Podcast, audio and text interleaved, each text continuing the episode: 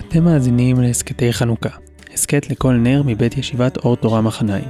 היום נר שמיני עם הרב אליהו גטנו. שלום לכולם, חנוכה שמח. רציתי לדבר היום על מנהג לא מוכר שנהגו בביתי, בבית אבי, מורי, עליו השלום. בחג החנוכה, כבר ביום הראשון, היינו מדליקים שני נרות. ביום השני, שלושה, וכן על זה הדרך, עד ליום התשיעי של חנוכה, שבו היינו מדליקים תשעה נרות מלבד השמש. זאת אומרת, שהיינו מוסיפים בכל יום נר נוסף. ולשאלתנו, כבר כשהיינו קטנים, והיינו תמהים על העניין הזה, מדוע אנחנו מוסיפים נר אחד בחנוכה, מור אבי עליו השלום היה משיב ואומר, הנר הנוסף הוא זכר לנס חלב. נגיע בקרוב להסבר של המסורת המשפחתית הזו, אבל קודם כל אסקור בקצרה את מי שהתייחס למנהג הזה, וכתב לגביו אי אלו הסברים, חלקם לעניות דעתי אינם נכונים. אז בואו נתחיל מפיסת עיתון ישנה שהייתה שמורה במגירה של מור אבי עליו השלום, פיסת עיתון משנת תשכ"ז, עיתון הדואר, שפורסם בכ"ו בכסלו שנת תשכ"ז, בכותרת הכתבה נכתב הנר הנוסף ונרות הנשיאים בחנוכה של חלב. כותב המאמר היה טוביה פרשל, שהיה עיתונאי, חוקר יהדות, ושם הוא כותב כך: גם מנהגי חנוכה מיוחדים היו להם לאנשי חלב. צאצאי גולי ספרד שהתיישבו בעיר, היו נוהגים להדליק נר נוסף בחנוכה. נר זה היו מעמידים על יד השמש, וכך היה מעשה הדלקתם. ביום הראשון היו מדליקים נר אחד ושני שמשים. על המנהג הזה שמעתי בפעם הראשונה מפי שניים מזקני חכמי חלב בירושלים, רבי עובדיה ידעיה והרב נתן סלם. בסוף הדברים הוא כותב, מנהג זה שחכמי חלב לא הזכירוהו בספריהם, כמדומני שגם עדיין לא נרשם בידי אוספי המנהגים וחוקרי ידע עם של עמנו. אז משנת תשכ"ז, בו נכתבה הכתבה הזו, ועד ימינו כבר עסקו כמה מן החוקרים וכמה מן החכמים במנהג הזה, ואמרו בו טעמים מטעמים שונים. יש שהטילו בו דופי ואמרו שהוא מנהג עמי הארץ ואין לקיימו. באותה הכתבה טוביה פרשל מעיד בשם רבי עזרא עטיה, ראש הישיבה בישיבת פורת יוסף בירושלים, שהוא עצמו מזרע גולי ספרד אשר בחלב, שאמר לו שהוא ביטל את המנהג הזה בביתו, באשר לא מצא לו זכר בספרים שלנו. יתרה מזה הוא מציין בשם שלמה סיטהון מניו יורק, שגם הוא מהספרדים שבחלב, שבמשפחתו לא נהגו מנהג זה לפי שאינו נזכר בשום ספר, ואינו אלא מנהג עם הארץ.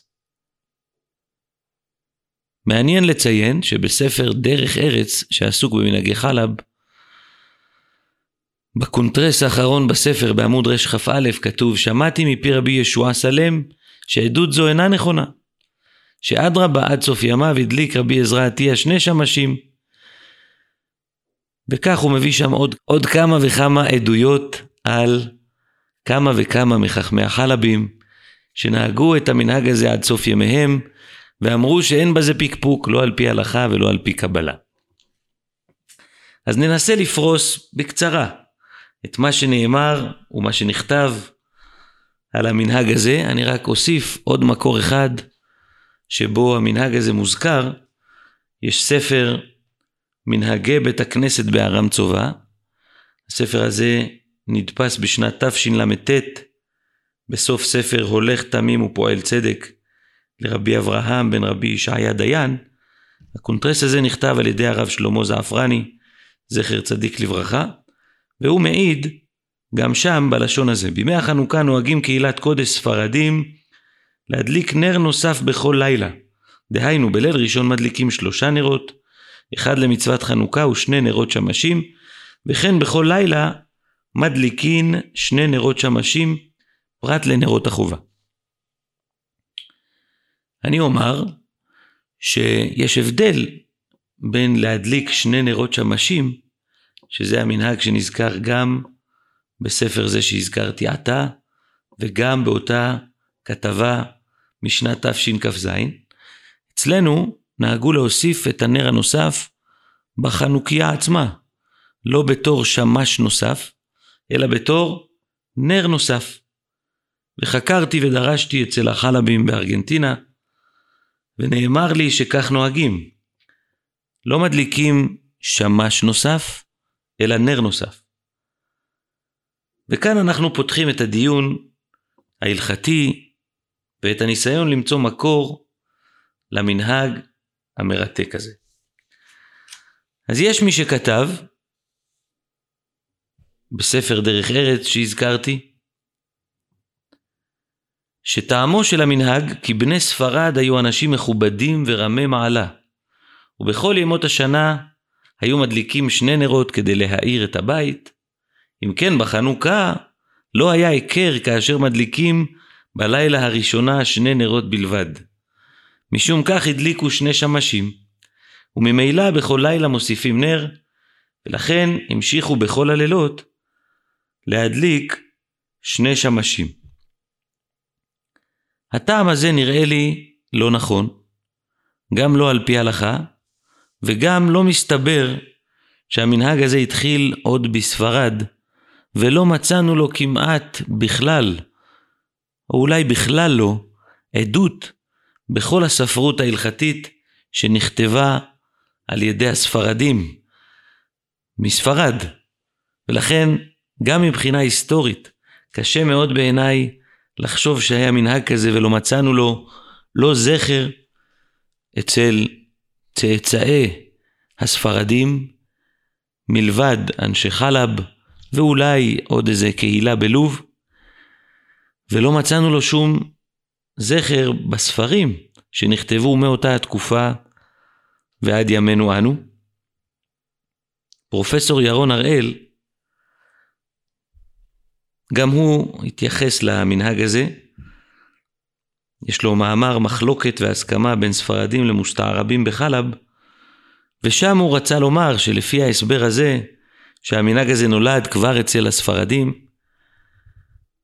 יכול להיות שכאשר הספרדים הגיעו לחלב, רצו שיהיה הבדל בינם לבין המוסתערבים, ולכן אמרו נדליק עוד נר אחד, כי אנחנו אנשים חשובים, אנחנו אנשים שונים מהקהילה המקומית, אבל דומני שגם בדברים הללו אין ממש ולא נאמרו אלא לתוספת טעם וריח בהבדל שבין הספרדים לבין המוסתערבים, נושא שפרופסור הראל עסק בו רבות, במיוחד באותו המאמר, אבל כמו שאמרתי מבחינה היסטורית, הטעם הזה קשה בעיניי, גם מבחינה הלכתית. יכול להיות שיש איזה בסיס לסיבה הזו בדבריו של רבא בתלמוד הבבלי במסכת שבת בדף כ"א עמוד ב', שם רבה מדבר על אדם שמדליק נרות בתוך ביתו מחמת הסכנה. ורבה אומר שכשאדם מדליק בתוך ביתו צריך נר אחרת להשתמש לאורה, ואם יש מדורה שהוא משתמש לאורה אז לא צריך נר אחר, ואי אדם חשוב הוא, אף על גב דאיכא מדורה צריך נר אחרת. אדם חשוב שלא רגיל להשתמש לאורה של המדורה אלא לאור הנר, צריך נר אחר. כמובן, הגמרא הזו היא השורש לנר השמש שכולנו מכירים, אבל לא אפרוס כאן את כל הטעמים מדוע לא נראה בעיניי כלל שאותם הספרדים שנהגו להדליק שני נרות בכל יום ויום כדי להאיר את ביתם, הוסיפו נר נוסף בלילה הראשון של חנוכה, כדי שיהיה היכר אינני סבור שהמנהג התחיל אז, ואינני סבור שיש לו איזה שורש הלכתי, כפי שרצו לרמוז אותם שטענו שזהו יסודו של המנהג.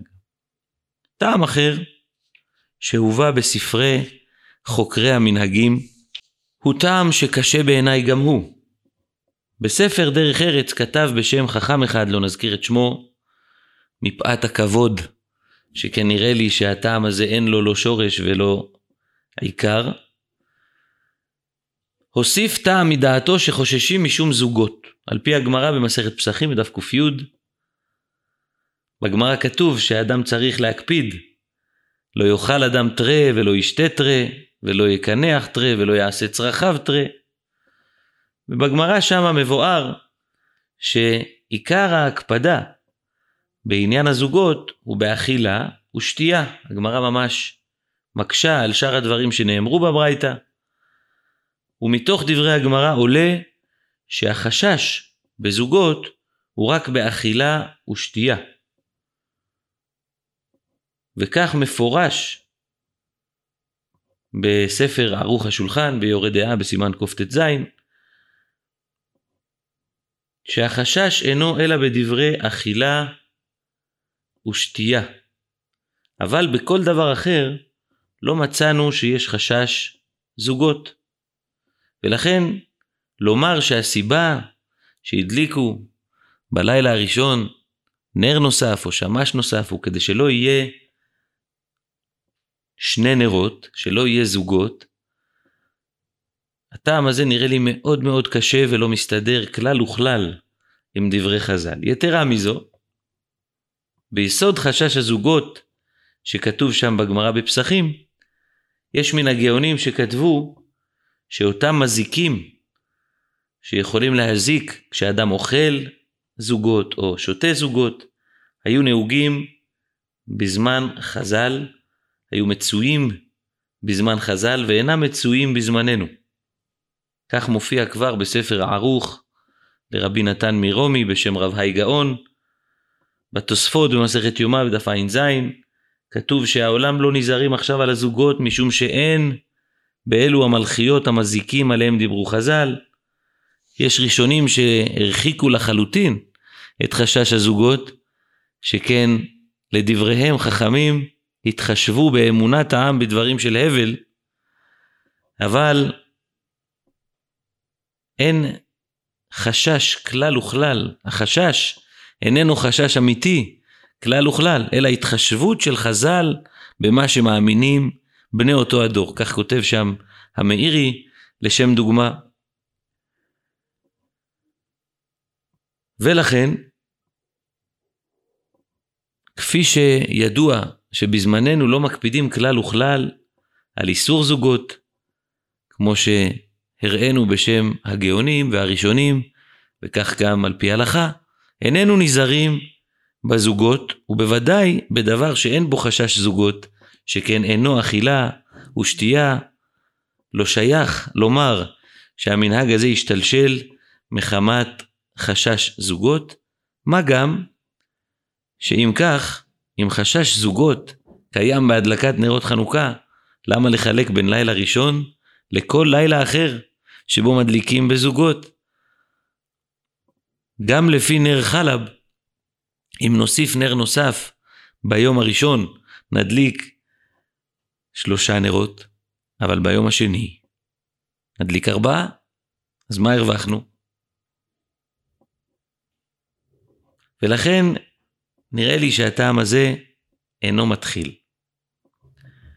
התייחסות נוספת למנהג בספר מנהגי ישראל של דוקטור שפרבר, הוא רצה לתלות את המנהג בדברי הטור והשולחן ערוך בסיוון תרע"ג, לדבריו הטור והשולחן ערוך, שניהם סבורים שצריך להדליק נר אחד נוסף, ועוד נר שאיתו אנחנו מדליקים את הנרות, ואחר כך קובעים אותו בחנוכיה. לפי זה, אנחנו מדליקים נר אחד בלילה הראשון, אנחנו מדליקים שמש בלילה הראשון, ואותו נר שבאמצעותו הדלקנו את הנר הראשון ואת השמש, אנחנו מקבעים אותו גם כן בחנוכיה, וממילא נוסף לנו נר נוסף ביום הראשון. אינני רוצה להתייחס לגופה של טענה בדברי הטור והשולחן ערוך, אינני סבור שזו הייתה כוונתם, אבל הבוחר יבחר, אפשר לקרוא את דברי השולחן ערוך ואת דברי הטור, ולהחליט האם באמת בדבריהם כבר נעוץ אותו מנהג של להדליק שלושה נרות ביום הראשון וכן הלאה. אני רק אציין שיש באמת בקהילות ישראל שנהגו שהשמש הוא נר שאיתו מדליקים, ויש מקהילות ישראל שנהגו שמדליקים את השמש. אבל אינני מכיר מנהג, גם אצלנו, שנוהגים להדליק נר נוסף, שאנחנו מדליקים את הנרות באמצעות נר, ואת הנר הזה אנחנו מקבעים בחנוכיה. זה לא נזכר גם כן בכל אותם המקורות שהתייחסו למנהג, לא נזכר שזהו האופן שבו מקיימים את המנהג. לפי דוקטור שפרבר זה איזושהי השתלשלות, כיוון שהיו נוהגים להדליק באמצעות נר אחר ואחר כך לקבע אותו. בפועל נולד מנהג שבו מדליקים שלושה נרות בלילה הראשון. אז עד כה ציינו את המנהג, היכן הוא מופיע, ועמדנו על כמה טעמים שנאמרו בו, שאינם מסתברים לדעתנו, ולכן לא נותר לנו אלא לחזור למסורת המשפחתית שלנו. בקרב בני משפחתי מקובל שהנר הנוסף שאנו מדליקים הוא זכר לנס חלב. זה דומה במקצת למסורת שהוצגה על ידי פרופסור הראל במאמר שהזכרתי, ומסורת זו דומה במקצת לעדותו של הרב יצחק שחבר, מי שהיה הרב הראשי של ארגנטינה.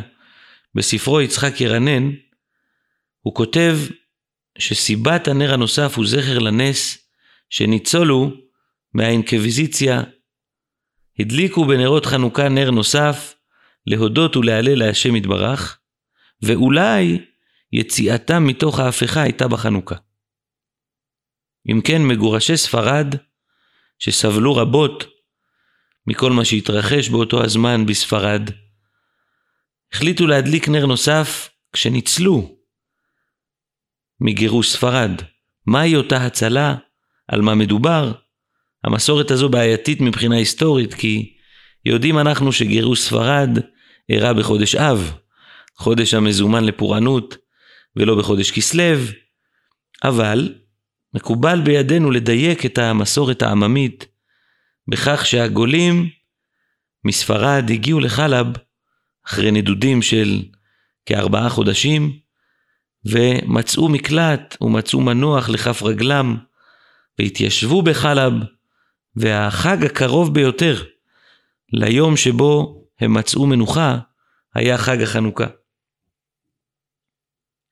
גם הרב אבישי טהרני בספרו עסיס רימונים שנדפס בירושלים בשנת תשע"ז, התייחס למסורת הזו והסביר אותה באופן הזה, שקבוצת גולים נדדה ארבעה חודשים ומחצה עד שמצאו להם מקלט ומנוח בחלב, גם במאמר הראשון שהזכרתי, של אותו עיתונאי טוביה פרשל בשנת תשכ"ז, גם הוא כותב שהוא לא יכול היה לברר למה בחרו דווקא בחג החנוכה כדי לחוג בו את מאורע ההצלה מגירוש ספרד, וגם הוא מציע את ההשערה הזו, וכמו שאמרתי, זו המסורת המשפחתית שלנו, שאנחנו מדליקים נר נוסף כדי לציין את אותו נס שאנחנו מכנים אותו נס חלב, שמגורשי ספרד מצאו לעצמם מקלט.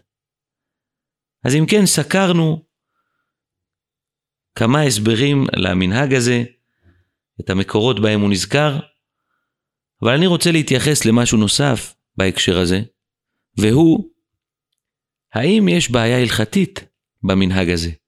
הזכרנו שהיו חכמים שלפחות לפי עדות אחת ביטלו את המנהג הזה כיוון שיש בו איזה בעייתיות על פי ההלכה. נקודה אחת שבאמת עלינו לברר ביחס למנהג הזה, ואני זוכר כילד איך השכנים שמסביבנו, כשהיינו מדליקים בלילה הראשון נר נוסף, היו דופקים על הדלת בזהירות ושואלים או מעירים בעדינות, האם במקרה טעינו בחשבון ואנחנו חושבים שזה הלילה השני של חנוכה ולא הלילה הראשון, האם זו באמת בעיה שאנשים שמסתכלים ורואים את החנוכיה שאנחנו מדליקים או בחוץ או על החלון, יסתכלו ויחשבו שלא מדובר ביום הראשון אלא ביום השני, או לא ביום השני אלא ביום השלישי. בלשון הלכתית אשאל את השאלה, האם חובה עלינו במספר הנרות שאנחנו מדליקים להקפיד שמספר הנרות מייצג את היום שבו אנו נמצאים בחנוכה, או שמא לא צריך להיות היכר במספר הנרות לאיזה יום אנחנו נמצאים בו בחנוכה, ואדם יכול להדליק נרות נוספים. השאלה הזו מביאה אותנו למחלוקת ראשונים מפורסמת, מחלוקת הרמב"ם ובעלי התוספות, בהבנת הגמרא במסכת שבת, בדף כ"א עמוד ב', מצוות חנוכה נר איש וביתו, והמהדרין נר לכל אחד ואחד, והמהדרין מן המהדרין. בית שמאי אומרים, יום ראשון מדליק שמונה, מכאן ואילך פוחת והולך, ובית הלל אומרים, יום ראשון מדליק אחת, מכאן ואילך מוסיף והולך. כולנו מכירים את הגמרא, והמחלוקת בין הרמב"ם לבין התוספות, גם היא מן המפורסמות. לדעת הרמב"ם, המהדרין מן המהדרין, הוא המשך ותוספת על המהדרין. זאת אומרת, אנחנו מדליקים נר לכל אחד ואחד, וגם מוסיפים והולכים בכל לילה כדעת בית הלל. וכך כותב הרמב"ם בהלכות מגילה וחנוכה, פרק ד' הלכה א', כמה נרות הוא מדליק בחנוכה? מצוותה שיהיה כל בית ובית מדליק נר אחד, בין שהיו מרובין, בין שלא היה בו אלא אדם אחד, והמהדר מדליק נרות כמניין אנשי הבית, נר לכל אחד ואחד, בין אנשים, בין נשים, והמהדר יתר על זה, ועושה מצווה מן המובחר, מדליק נר לכל אחד ואחד בלילה הראשון, ומוסיף והולך בכל לילה ולילה נר אחד. ולמקרה שלא הבנו, הרמב"ם מסיים את ההלכה ואומר, כיצד? הרי שהיו אנשי הבית עשרה. בלילה הראשון מדליק עשרה נרות, ובליל שני עשרים, ובליל שלישי שלושים, עד שנמצא מדליק בליל שמיני שמונים נרות.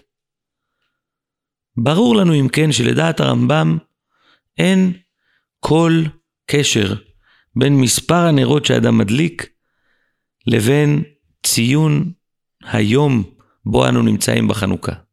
האם זה היום הראשון או השני או השלישי. מניין הנרות משתנה לפי מניין אנשי הבית, לא לפי מניין ימי החנוכה. התוספות לעומת זאת, מבינים אחרת את הגמרא.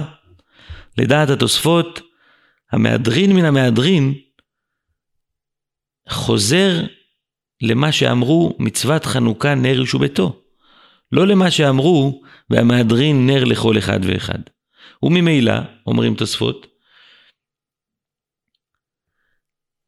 מהדרין מן המהדרין פירושו שנר איש וביתו ומוסיף והולך. אבל לא נר לכל אחד ואחד מוסיף והולך. כולנו מכירים את מנהג האשכנזים ואת מנהג הספרדים. מנהג הספרדים, כמו שכבר העיר התז, כדברי התוספות, אף שבדרך כלל האשכנזים נוהגים כהתוספות, ומנהג האשכנזים כהבנתו של הרמב"ם בסוגיה, לא בהכרח כדברי הרמב"ם, אבל כהבנתו של הרמב"ם בסוגיה, וזה דבר פלא, שבו האשכנזים נוהגים כהרמב"ם והספרדים כהתוספות. אבל יש פה מחלוקת לא רק לגבי איך אני עושה את מצוות הדלקת נרות חנוכה, אלא שלפי התוספות יש יותר הידור שיש היכר כשאדם מוסיף והולך, או מחסר לפי בית שמאי, שהוא כנגד ימים הנכנסים, או ימים היוצאים, אבל אם עושה נר לכל אחד ואחד, אפילו יוסיף מכאן ואילך, אין היכר, שיסברו שכך יש בני אדם בבית. הסיבה שהתוספות לא מסכימים עם ההסבר של הרמב"ם בסוגיה, הוא כי לפי התוספות צריך שיהיה היכר במניין הימים של חנוכה. אם כך, יכולים אנחנו לומר שהמחלוקת פה בין הרמב"ם לבין התוספות בהבנת דברי הגמרא, היא בדיוק עסוקה בשאלה שאנחנו שואלים. האם נרות החנוכה יש להם תפקיד לייצג את מניין הימים של חנוכה, והאם צריך שיהיה היכר במניין הנרות למניין הימים. לפי הרמב"ם, אין צורך, אין שום קשר בין מניין הנרות לבין מניין הימים. ואילו לפי התוספות, יש מעלה במהדרין מן המהדרין, שלא רק שאנחנו לא מדליקים רק נר אחד בכל יום, אלא שאנחנו מייצגים את הימים הנכנסים או את הימים היוצאים, לפי מחלוקת בית הלל ובית שמאי, במניין הנרות. אם כך, נראה שישנה מחלוקת בין הרמב"ם לבין התוספות, האם יש צורך לעשות היכר לימי החנוכה במניין הנרות. כמדומני שכמחלוקת הראשונים הזו, כך היא מחלוקת האחרונים. אני אתן שתי דוגמאות לדבר הזה. דוגמה אחת היא תשובת שאלה של מהר"ש קלוגר מגאוני גליציה, בשו"ת האלף לך שלמה בסימן ש"פ. מהר"ש קלוגר נשאל ממש בשאלה הזו. אדם שהדליק בליל ראשונה שתי נרות, אם יצא או לא. השיב המהר"ש קלוגר, נראה לי שיצא, שתוספת על הדבר אינו מזיק. אחר כך הוא מביא ראיה. לעומת דברי המהר"ש קלוגר, שלכאורה עולים בקנה אחד עם דברי הרמב"ם שהזכרנו לעיל, בספר משנה שכיר, לרבי יששכר שלמה טייכטל באורח חיים בסימן רצ"ב, דוחה את דבריו של מהר"ש קלוגר, וכותב שבנר חנוכה, שנתקן כל יום כנגד הנס שנעשה בו, וצריך היכר באיזה יום אנו עומדים, הרי אם ידליק שתי נרות, הוא גורע, שלא יהיה היכר לרועים באיזה יום אנו עומדים. ולכן לדעתו, במקרה שאדם הדליק שני נרות בלילה הראשון, עליו לכבות את הנרות ולהדליק מחדש רק נר אחד. ואם כן, מחלוקת רבי שלמה קלוגר ורבי יששכר טייכטל, היא-היא מחלוקתם של הרמב"ם והתוספות. דוגמה שנייה, מה יעשה אדם שבליל שלישי של חנוכה יש לו שני נרות בלבד? לדעת רוב ככל הפוסקים, עליו להדליק נר אחד ולא ידליק שניים. שאם ידליק שניים, אינו עושה לא כדעת בית שמאי, ולא כדעת בית הלל. אבל, הרב שך, בספרו אבי העזרי בהלכות חנוכה, כתב שידליק שני נרות. איך הוא נימק את פסקו? ולא אמרינן שלא נשלם ההידור אלא בשלושה, ולא ידליק רק נר אחד, שבוודאי שיש הידור שידליק שני נרות, שאף אם אינו יכול לעשות ההידור בכולו, לא אמרינן שלא יעשה כלל. דלא גרע יום שלישי מיום שני. וזה פשוט וברור. ותמהני על מה שכתב בספר בית הלוי בהלכות חנוכה, לדבר פשוט, שלא ידליק אלא נר אחד. ולא ידעתי מה ראה על ככה לחדש כן. אם כן, אותה מחלוקת בין בית הלוי לבין הרב שך, היא-היא המחלוקת שהזכרנו. ברור מדבריו של הרב שך שאין חשיבות בעיניו להיכר הימים במניין הנרות, ולכן הוא פוסק שאדם שיש לו שני נרות ביום השלישי, ידליק שני נרות, ולא נר אחד.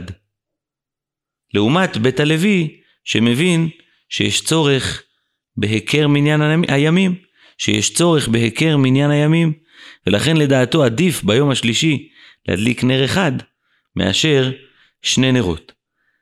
אינני רוצה להעריך יש לי ראייה גם מדברי הריף, שהסיבה שאנחנו נוקטים להלכה איננה הימים הנכנסים והימים היוצאים, אלא פרי החג ומעלים בקודש.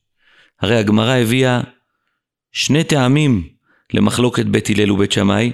לכאורה, אם אנחנו פוסקים כטעם הימים הנכנסים והימים היוצאים, אז שאלתנו מתחילה. אבל אם אנו, אבל אם אנו פוסקים כדברי בית הלל, ולא משום הימים הנכנסים והיוצאים, אלא משום מעלים בקודש, לעומת פרי החג של בית שמאי, מעלין בקודש איננה סיבה שקשורה להיכר מניין ימי החג. כך עולה בבירור מדברי הריף, כך עולה בבירור גם מדברי המאירי. אסכם. כשאנחנו עסוקים בשאלה האם אדם רשאי, כמנהג החלבים, להוסיף נר, או שמא הוא נכנס לבעייתיות שהיכר ימי החנוכה לא ניכר, שמניין ימי החנוכה לא ניכר במניין הנרות שלו, אז קודם כל זו מחלוקת בין הרמב"ם לבין התוספות. יתרה מזו, יכול להיות שבכלל, לדעתו של הריף, אין סיבה לציין את מניין הימים במניין הנרות, וממילא הריף והרמב"ם מתייצבים יחד נגד דעתם של התוספות. ראינו שגם המהר"ש קלוגר והרב שך מתייצבים בצד הזה בשאלה הזו, ולדעתם אין כל מניעה שימי החנוכה לא ניכרים במניין הנרות כפי שציינו. ולכן, אמנם דברי התוספות ברורים שיש צורך לעשות היכר במניין הנרות למניין ימי החנוכה, ואולי מדברי השולחן ערוך בסימן תרע"א בסעיף ב' נראה שפסק כדברי התוספות, וכדברי הטור, וחשש לטעם היכר מניין הימים, ראינו, לפי הראשונים שהזכרנו, והאחרונים שהזכרנו, שאין צורך והכרח להיכר מניין הימים בנרות החנוכה, ולכן הנוהג כמנהג זה, בוודאי שיש לו על מה שיסמוך, שרבים וטובים נהגו כן, ולא ערערו על המנהג, ואין לנו להוציא לעז על הראשונים, ולכן מנהגנו להמשיך כמנהג אבותינו לציין את אותו נס חלב, להודות לקדוש ברוך הוא על שעשה עם אבותינו, לא רק בתקופת החשמונאים והצלתם מן היוונים, אלא גם בתקופת אבותינו בספרד, שגורשו ממנה, וחוו את אשר חוו, ומצאו מנוחה פורתא בעיר ואם בישראל, חלב שבסוריה. סקרנו אם כן את המנהג, את המקורות בהם הוא נזכר, את הטעמים שהובאו לו, אימצנו טעם אחד, הוא הטעם המסורתי, במשפחה שלנו, ודיברנו על השאלה ההלכתית, האם יש כאן בעיה, או שמא העושה כן יש לו על מה לסמוך. חג חנוכה שמח.